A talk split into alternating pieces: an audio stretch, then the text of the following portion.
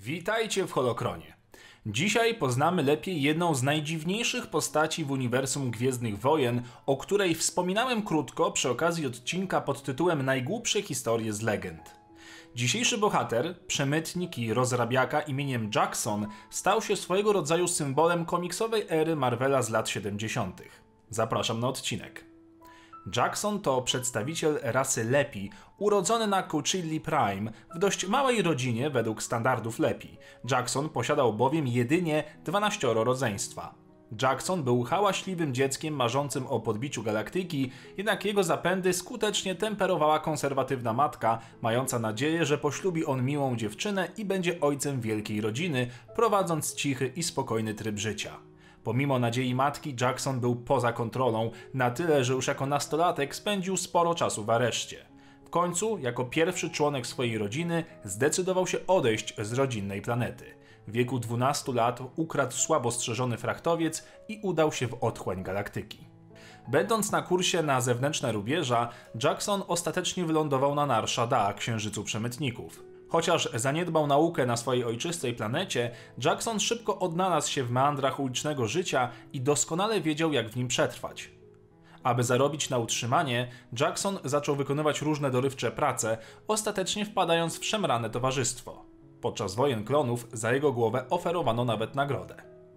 Niedługo potem dołączył do oddziału najemników zwanego jako chłopcy z Korus. Tam też nasz bohater nauczył się skutecznego korzystania z broni blasterowej. Niedługo potem grupa rozpadła się, a Jackson znów został bez pracy. Z niewielką ilością zaoszczędzonych funduszy zainwestował w statek kosmiczny WUD-500, będący zdezolowanym frachtowcem, który nazwał króliczą stopą. Latający złom z Koreli szybko jednak dał o sobie znać, a jego stan techniczny pozostawiał wiele do życzenia.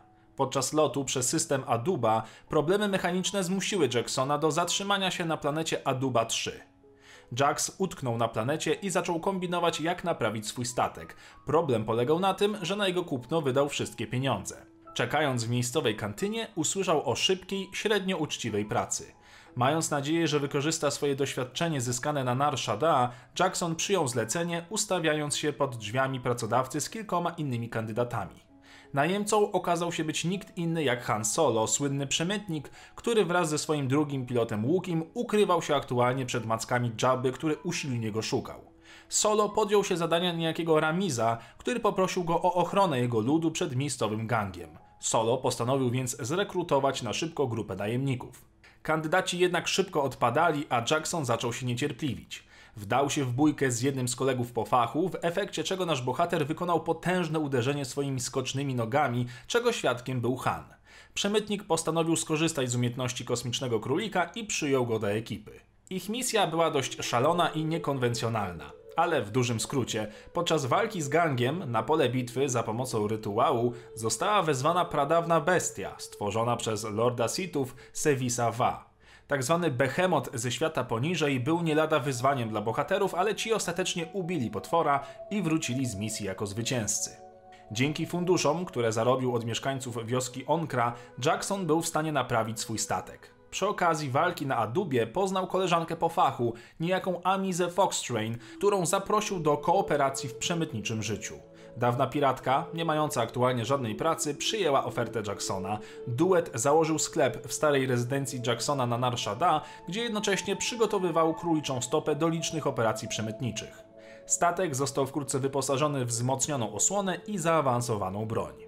W dalszych przygodach Jax poznaje m.in. Bailerta Valansa, o którym był też już odcinek. Wychodzi cało ze wszystkich nieprzyjemności, jakie go spotykają i kontynuuje swoje przemytnicze przygody u boku Foxtrain.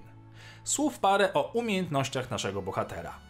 Jackson, mimo braku wykształcenia i porywczego charakteru, był diabelnie bystry i posiadał tak zwaną uliczną inteligencję oraz osobowość. Wysoki i chudy, z dużą parą kozich zębów i krótkim zielonym futrem, z łatwością wyróżniał się w tłumie i często padał ofiarą obelg za swój osobliwy wygląd. Jax jednak zawsze odpowiadał w naturze za te niegrzeczne reakcje, dając swoim napastnikom popalić za pomocą kopniaków albo po prostu strzelał do nich z blastera. Jackson nie wahał się również mówić o tym, co myśli, nieustannie wyrażając swoje skargi podczas operacji na Adubie 3 ku irytacji Hanna Solo.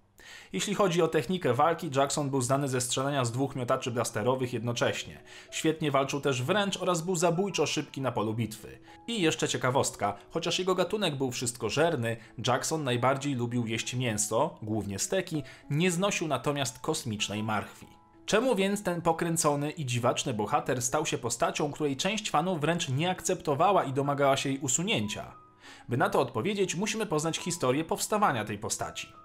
Jackson został stworzony przez Roya Thomasa i Howarda Chaikina jako jedna z nowych postaci w marvelowskim komiksie Star Wars 8 for Aduba Free, zeszyt 8. Duży, antropomorficzny króliczek został stworzony w hołdzie dla gwiazdy kreskówki Warner Brothers, czyli królika Baxa. Bugs w kreskówkach z lat 40. często zwracał się do nieznajomych pseudonimem Jackson.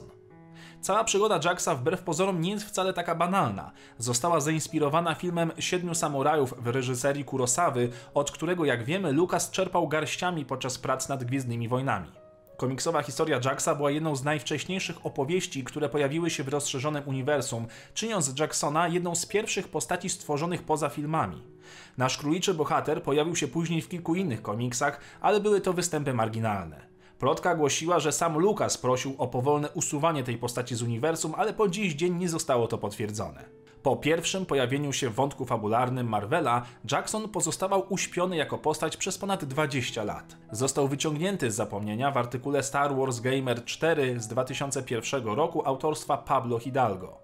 Chociaż Jax był popularny wśród kilku autorów Gwiezdnych Wojen, takich jak Jeff Grubb, dla fanów sagi stał się symbolem wszystkiego, co głupkowate i śmieszne w komiksowej erze Marvela tamtych lat. To uczucie wrogości zostało odzwierciedlone w artykule 20 Most Memorable Moments of the Expanded Universe w Star Wars Insider nr 83, który umieścił wprowadzenie Jacksona jako jeden z pięciu najbardziej głupich momentów w historii Expanded Universe.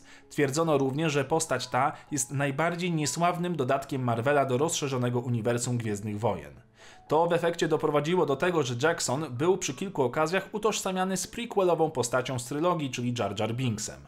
Ostatni występ w legendach Jax zaliczył w komiksie internetowym pod tytułem The Clone Wars Invitation Only. Fani mają jednak to do siebie, że dawna nienawiść do danej postaci z biegiem lat zmienia się w nostalgię. Na jej fali Jax nie tylko powrócił, ale wszedł też do nowego kanonu.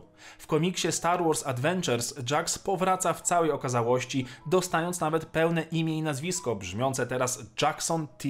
Trumperaki. Jest to ciekawy przykład tego, że mimo nienawiści wielu fanów do Disneya i jego nowego kanonu, scenarzyści czerpią garściami z dawnych legend i odkupują naprawdę antyczne postacie. Jackson być może i jest postacią dość komiczną, ale z drugiej strony takich bohaterów w sadze Gwiezdnych Wojen nigdy nie brakowało. To tyle na dzisiaj. Dzięki za oglądanie. Zapraszam Was na Discorda, gdzie gadamy o Gwiezdnych Wojnach oraz zachęcam do zostania patronem serii, dzięki czemu zyskacie możliwość zadawania mi pytań do odcinków oraz proponowania swoich tematów. Niech moc zawsze będzie z Wami.